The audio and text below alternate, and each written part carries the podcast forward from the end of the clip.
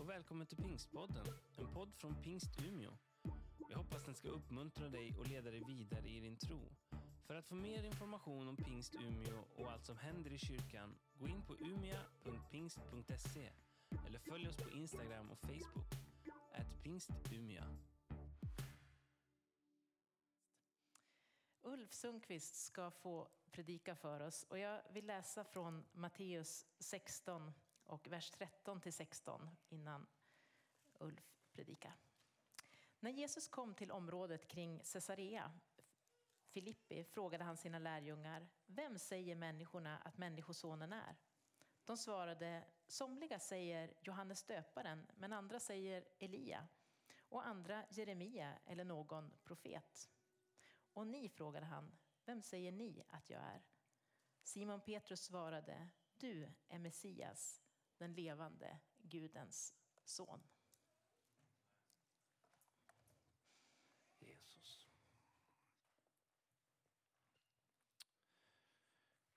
Låt oss be. Gud, nu ber jag att du ska göra våra hjärtan till god jord för ditt ord. Jag ber, eh, lys över ditt ord med din ande och för oss vidare, både personligt men också gemensamt. Jag ber i Jesu namn. Amen.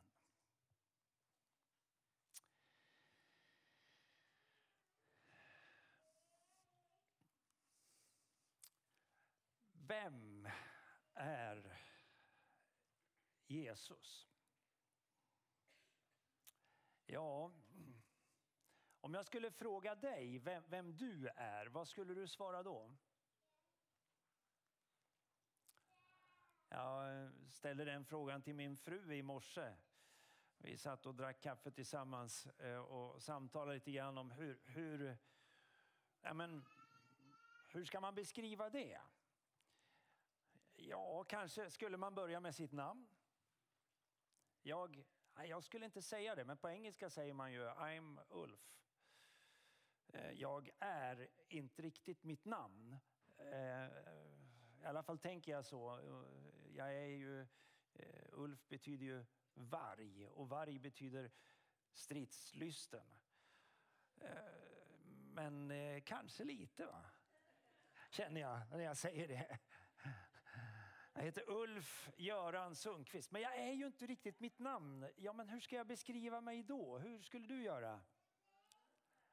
Ja, men kanske skulle du säga jag eh, du börjar berätta om din familj, du är gift eller du är singel eller du kanske berättar om vilken familj du kommer ifrån. Eh, ja, men, eh, skulle man fråga Lennart Holmner som känner alla i hela Västerbotten så skulle han börja med att säga, men du är inte du släkt med eh, och så är du kusin med. Och så får man liksom, rutar man in.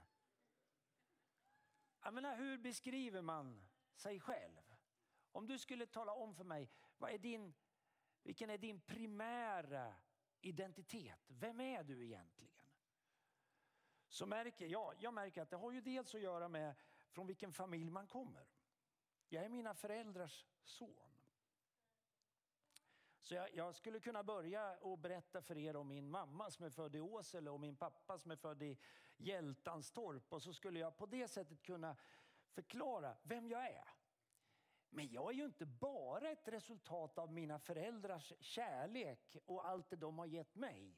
Jag är också ett resultat av mina egna personliga val och, och, och, och det som har valt mig. Jag är gift. Jag hör ihop med Louise. Och vi har följt varandra nu i, i ja, snart 40 år har vi följt varandra. Vi var väldigt unga när vi träffades förstår ni, för ni ser ju att jag är inte så gammal. Eh, vi har tre barn. Det blir också en del av det som beskriver vem jag är. Men jag är ju inte bara eh, eh, det, utan jag är ju också troende.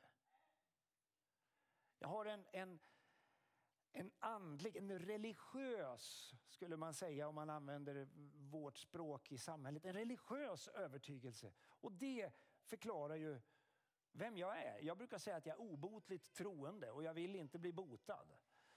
Eh, det är en, det är en obotlig, eh, hälsosam, inte sjukdom. Va? Nej.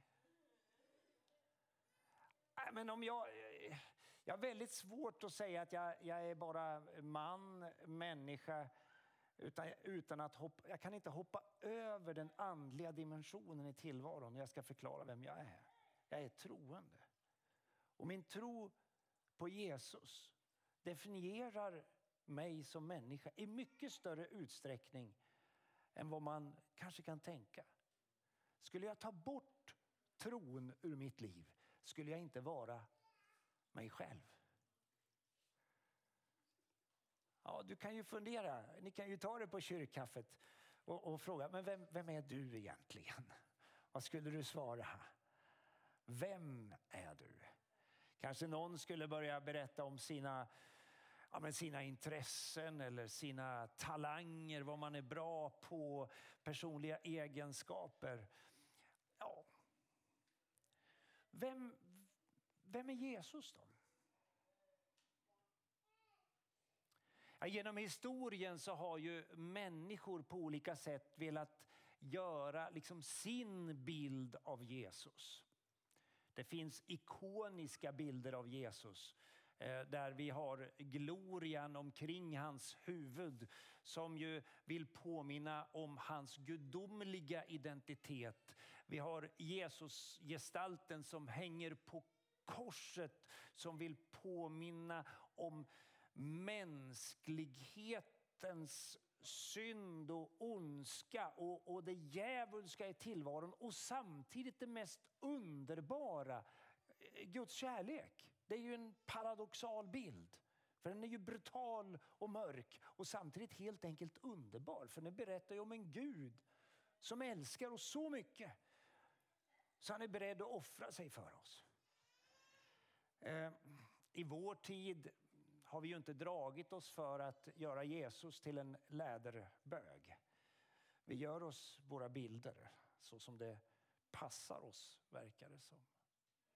Någon skulle säga att Jesus han är religionsstiftare, någon annan en profet. Och ni då? Vem, vem, se, vem säger ni att jag är? Folket hör vi, de, de säger att du är en profet. Så vänder sig Jesus till lärjungarna som har varit med Jesus en, en tid. De har hört honom tala. De har sett honom förbarma sig över sjuka, eh, människor som är besatta av ondska har han befriat. Han har klivit in i rum där sorgen, där sorg och mörker råder och, och förvandlat atmosfären i rummet. Petrus tar till orda och säger, nej men du, du är Messias. Han, han ser förbi snickaren. Är Gud, är Jesus människa? Eller är han Gud? Eller är han både och? Det kan ju vara bra när vi pratar om Jesus att, att äh, ja, men det här är ju lite som att, och, och, och, vad ska jag kalla det för? att, att tala med er om utombibliska källor som bekräftar Jesu historiska existens. Jag är inte så säker på att det är så många av er som är intresserade av det. Men det kan ju vara bra att påminna sig om att det finns andra källor som berättar om Jesus. Eh, jag tog ett par här. Det är ju två romerska historiker. Den andra där, jag är lite osäker på om man uttalar det, Suetonius. Han har bland annat skrivit eh, berättelsen om Caesar. Eh, levde i början, eller i, född i, i, i mitten på det första århundradet. Och eh, är ju en av dem, är ju en, en romersk historiker. Och han skriver också om Jesus. Vi har en judisk historiker, Josefus, som skriver om Jesus och berättar om att han faktiskt har dött på korset. Och, och, och, lite vad det fick skapade för rörelse omkring honom. Alltså det utombibliska källor som berättar om, om Jesus. De är ganska intressanta. Eh, för om man bara, inom citationstecken, lyssnar på de som är troende som berättar om, om Jesus så kan man ju tänka att man får en, en vinklad bild.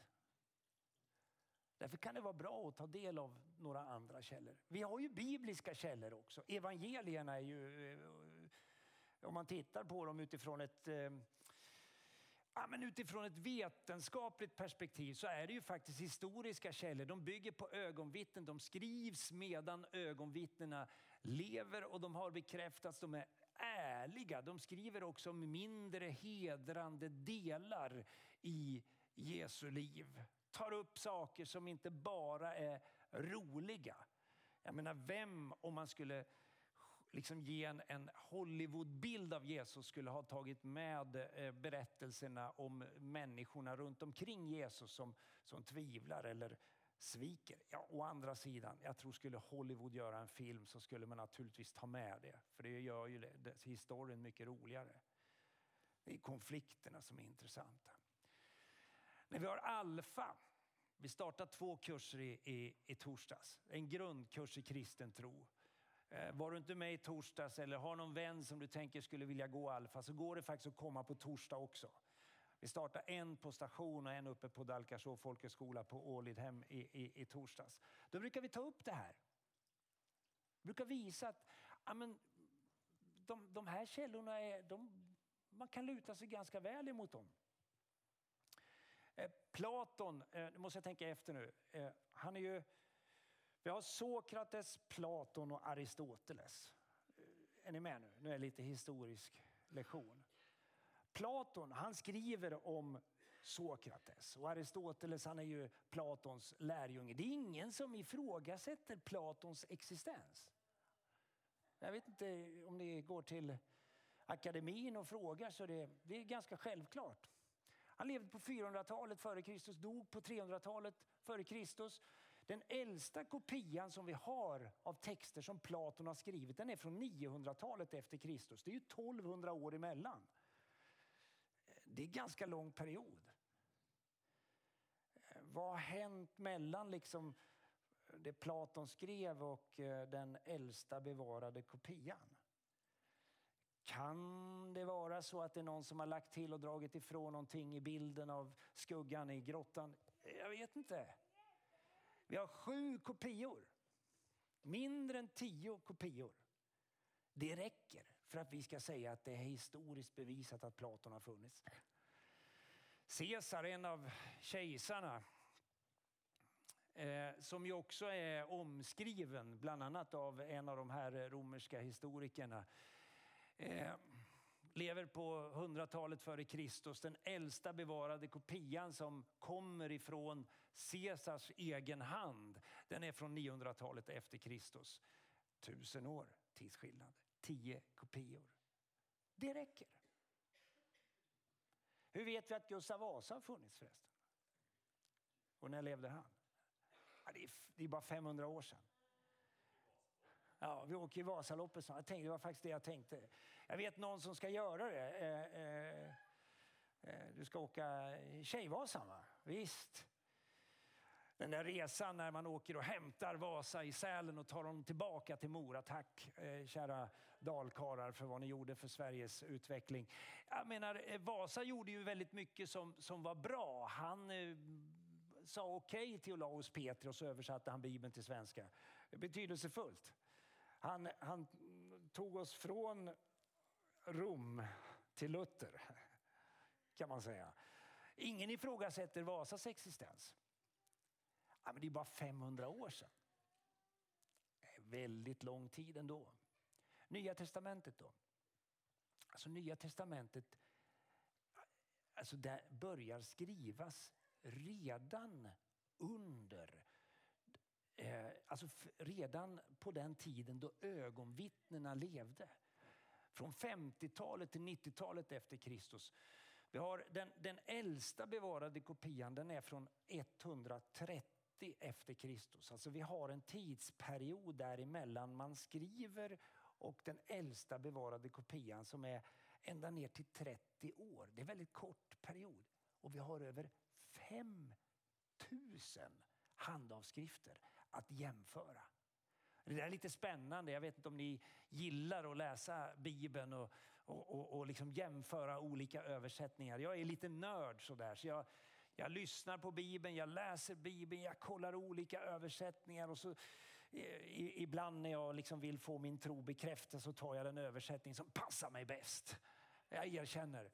Men ibland så, så utmanar jag mig själv att läsa översättningar som hjälper mig att få ett litet annat perspektiv. Ehm, jättespännande. Det här gör evangelierna väldigt pålitliga. Och vi har ju inte bara ett evangelium. Alltså vi har ett evangelium men vi har inte, vi har inte bara en enda skildring.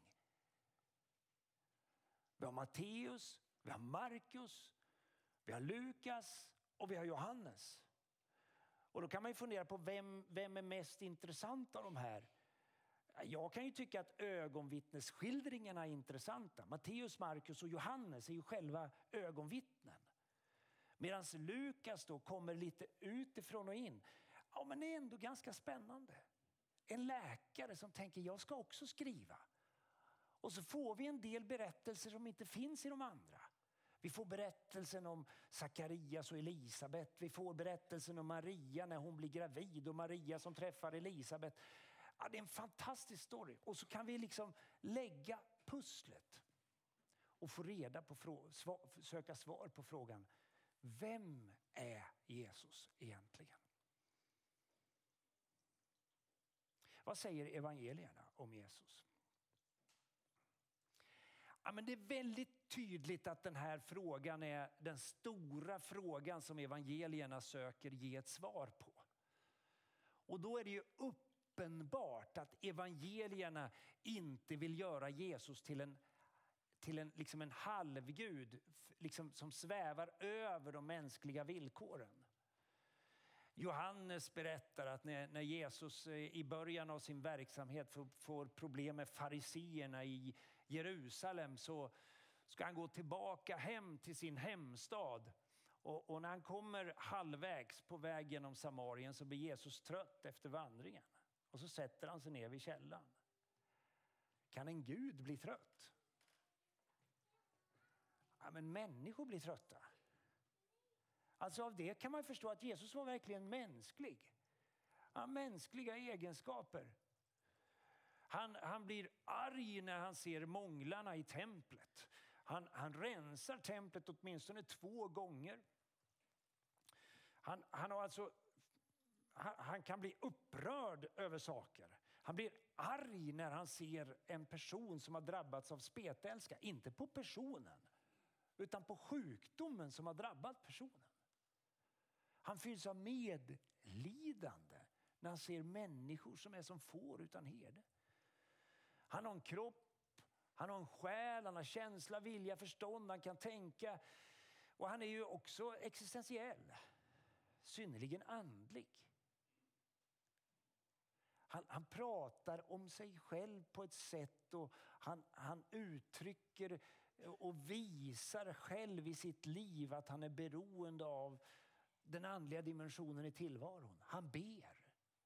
Han ber så mycket så att lärjungarna när de ser honom be säger kan inte du lära oss att be som du ber?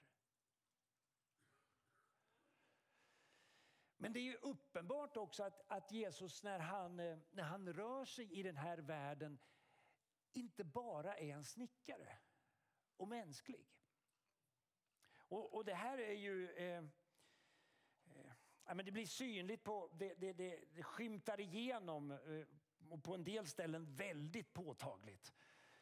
Det här har man ju svårt att hantera, särskilt i hans hembygd. Jesus kommer till Nasarets synagoga. Man kan läsa om det i Lukas evangelium, bland annat det femte kapitlet. Han, han, han läser högt i Jesaja bok.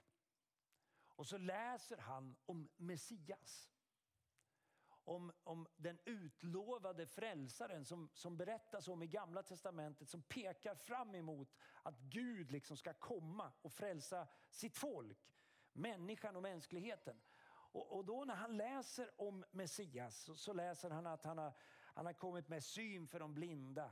Han ska befria de fångra. Han ska... Ja, men det är bara en massa bra grejer som, som, som han kommer med. Och så när han har läst färdigt så lägger han ihop, inte boken, men bokrullen. Och så säger han, idag har det här gått i uppfyllelse. Och då sitter det en massa folk där som bara har sett Jesus tillsammans med hans systrar och bröder och hans mor och under en period också med, med Marias man Josef. Och så tittar de på Jesus och tänker de, nu är han ifrån sina sinnen. För de ser bara en snickare. Så de, de säger till Jesus, nu, du får inte vara här. De tar honom ut ur synagogan, driver honom ut ur staden fram till en klippa och tänker kasta ner honom för klippan, för de tycker att han har hädat. Då vänder sig bara Jesus om och så går han rakt igenom sitt eget sammanhang. Och, nej, men jag tänk, det där är en, en, en story som eh, man som kristen emellanåt får gå igenom. Jag har själv fått höra den. Ja, men du som, om du säger att du är, du, du är ju inte för något mer än vi andra. Vi ser ju att du också är mänsklig. Hur kan du då säga att du är kristen? De får liksom inte ihop de två identiteterna. De vill skilja dem åt. Gud är Gud och människa är människa. Och så säger Jesus här att men i min person förs de här två storheterna samman. Nya testamentet säger att, att Jesus är Gud. Det är Gud som blir människa. När Jesus döps så, så kommer en röst ifrån himlen som, som säger att det här är min son, Eh, min utvalde. När Jesus korsfästs så är det en soldat som står och tittar på det som händer och då säger han om Jesus, det där det där måste vara Guds son. Tvivlaren Thomas säger när han har fått möta Jesus efter uppståndelsen. Min Herre, min Gud. Och Jesus säger faktiskt det själv. Han tar de orden i sin, sin egen mun. Han tar emot tillbedjan. Han säger ni kan få be till Gud i mitt namn. Han står över naturlagarna. Han går på vattnet om han vill. Han kan åka båt på vattnet också. Det verkar inte som att han har några problem att röra sig. Han förlåter synder. Alltså jag har ju provat det någon gång, att ta på mig andra människors fel. Det är inte, det, det är inte min bästa gren. Eh, det går så där.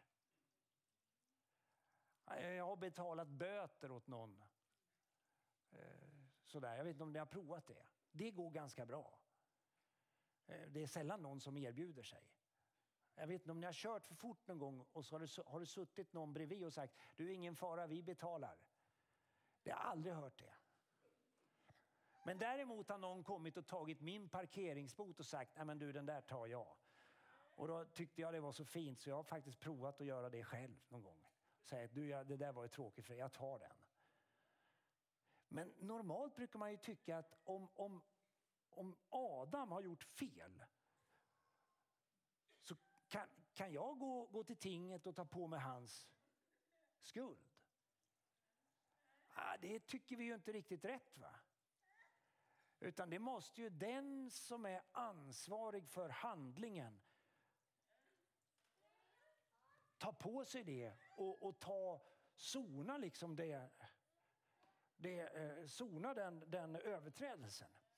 Så Jesus gör ju någonting när han, när han säger till den förlamade mannen.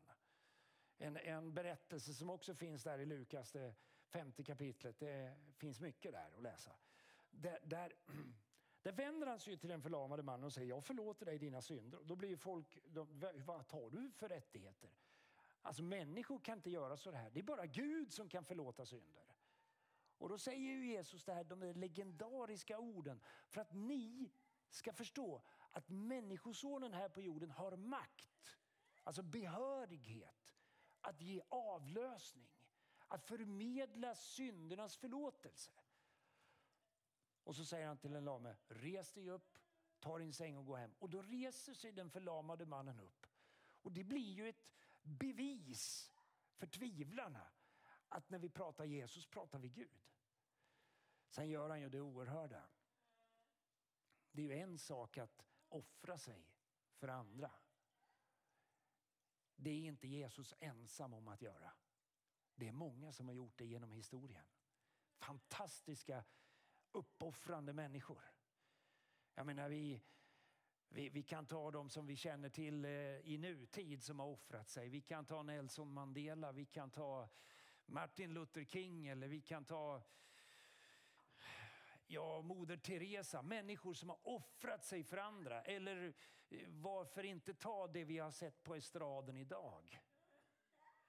En, en pensionerad professor som tänker Nej, men jag vill inte bara luta mig tillbaka och glida in i himlen.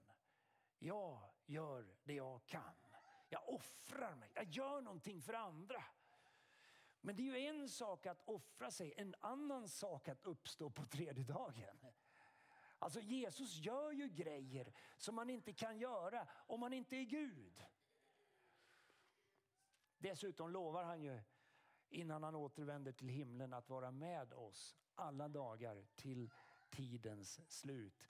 Alltså han säger saker som är out in the blow. Jag är, jag är livets bröd, jag är världens ljus, jag är uppståndelsen och livet, jag är vägen, sanningen och livet. Alltså han tar saker i sin mun. Så när vi pratar Jesus så blir det väldigt svårt att reducera Jesus bara till den här inomvärldsliga personen. Det måste vara något mer.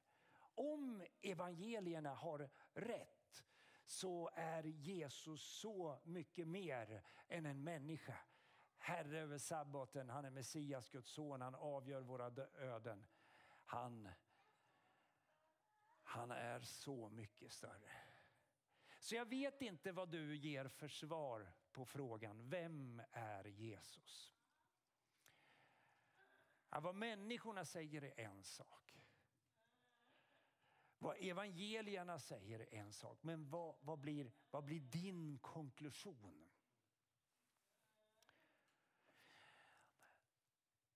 Denna förening av det genuint mänskliga och det sant gudomliga, det, det gör Jesus unik. Och det förklarar också vad det kristna livet handlar om. Att bli en kristen är inte att förneka det mänskliga i tillvaron. Det är inte att förneka svårigheterna i tillvaron utan tvärtom. Det är att möta en Gud som vet vad det är att vara människa. Men det är att, att ta, ta in det gudomliga i tillvaron. Jesus han har inblick i båda världarna. Han, eh, han kan förklara vem Gud är. Det där, det, Jesus blir liksom tolkningsnyckeln för att förstå vem är Gud egentligen? Vad har han för ansikte? Vad tänker han? Vilka värderingar springer fram ur, ur, ur den källan? Vill vi förstå det? Då ska vi se på Jesus. Ingen har någonsin sett Gud, den enda sonen, själv Gud, alltid nära Fadern. Han har förklarat, han har uppenbarat honom för oss. Paulus han säger i sitt brev till till Kolosse så, så mäktigt när han beskriver vem Jesus är. Att i honom har hela den gudomliga fullheten förkroppsligats och tagit sin boning.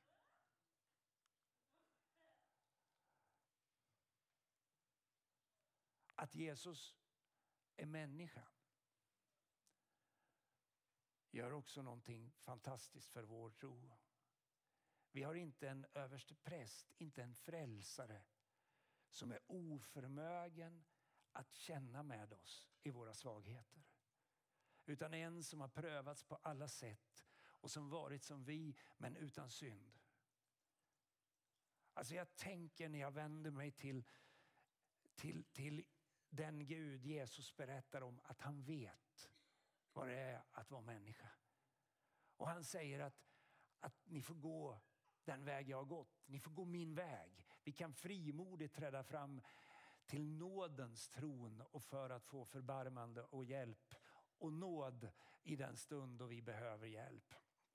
Eftersom att han själv har prövats och lidit kan han hjälpa dem som har prövats. Eh, men det är faktiskt mer än så. Vi tänker ju, evangelierna berättar ju att den Jesus som var här på jorden, som gick in i döden och ut på andra sidan, återvände till himlen. Han, han är på Faderns högra sida och, och i den positionen så finns det numera en kunskap i himlen om hur det är att vara människa. Så när vi vänder oss till Gud som är över alla andra namn, som står över allting annat, så finns det en person i himlen som kan förklara för Fadern, vår skapare, hur, hur förutsättningarna är. Mina barn, jag skriver det här till er, säger Johannes, en av lärjungarna. Jag skriver det här till er för att ni inte ska synda. Vad är det han har skrivit? Jo, ni ska vandra i ljuset liksom han är i ljuset. Då har ni gemenskap med varandra. Och blodet från Jesus det renar oss ifrån all synd. Men om någon syndar, då har vi en som för vår talan inför Fadern, Jesus Kristus, som är rättfärdig. Han är det offer som sonar våra synder och inte bara våra utan hela världens. Det är ju en fascinerande tanke. Det har hänt mig några gånger i livet att jag har haft anledning att ringa det där svåra samtalet och berätta om att jag faktiskt har gjort fel. Det har hänt att jag har mött någon i andra änden. Mött någon öga mot öga som har satt, sagt till mig, det där förstår jag inte alls. Och jag har inte mött nåden utan domen. Och bara blivit nedtryckt. Men så har det hänt de allra flesta gångerna när jag provat att gå förlåtelsens väg. Så har jag på den andra änden mött något som, någon som säger, inte bara jag förlåter dig. Jag, utan som också har kunnat säga de där underbara orden, jag förstår vad du, vad du menar. Jag har också varit där. Ja, det finns något fantastiskt i den här Jesusgestalten, I tron på Jesus som, som jag tänker är något vi skulle kunna ägna hela det här året åt. Jag tänker varje dag med Jesus. Jag vill avsluta med att läsa en text för er. Välkomna Adam och, och Patrik. En text som man återfinner i förordet till Augustinus bekännelser översatt till svenska av en av de stora pingstpredikanterna. Sven Lidman är det som har översatt och sen har han skrivit ett förord. Han skriver så här. Jesus, det är människosjälens och människosläktets djupaste och starkaste rop på kärlek, på trofasthet på allvar, på sanning, på verklighet. I Jesus ber människohjärtat om ett mål och en mening för sin tillvaro och det får honom själv, Jesus Kristus och honom korsfäst. Det är fruktansvärt enkelt, fruktansvärt verkligt, fruktansvärt farligt. Det är A och O, begynnelsen och änden på Gud, begynnelsen och änden, begynnelsen på Guds verk och änden på vårt eget. Det är den arkimediska punkten från vilken världen lyftes. Det är den levande dynamiten som spränger sönder en varelse för att hon ska leva och giva liv. Det är stötestenen och hörnstenen. Det är den yttersta spetsen av en knivsägg som klyver världen, som är skarpare än något tvegat svärd och tränger igenom så att den åtskiljer själ och ande, märg och ben. Det är en domare över hjärtats uppsåt och tankar. Det är kärleken. Barmhärtig och sträng. Omutlig och förlåtande. Mjukare än vaxet och skarpare än diamanten. Det är Jesus Kristus och honom som korsfäst. Amen.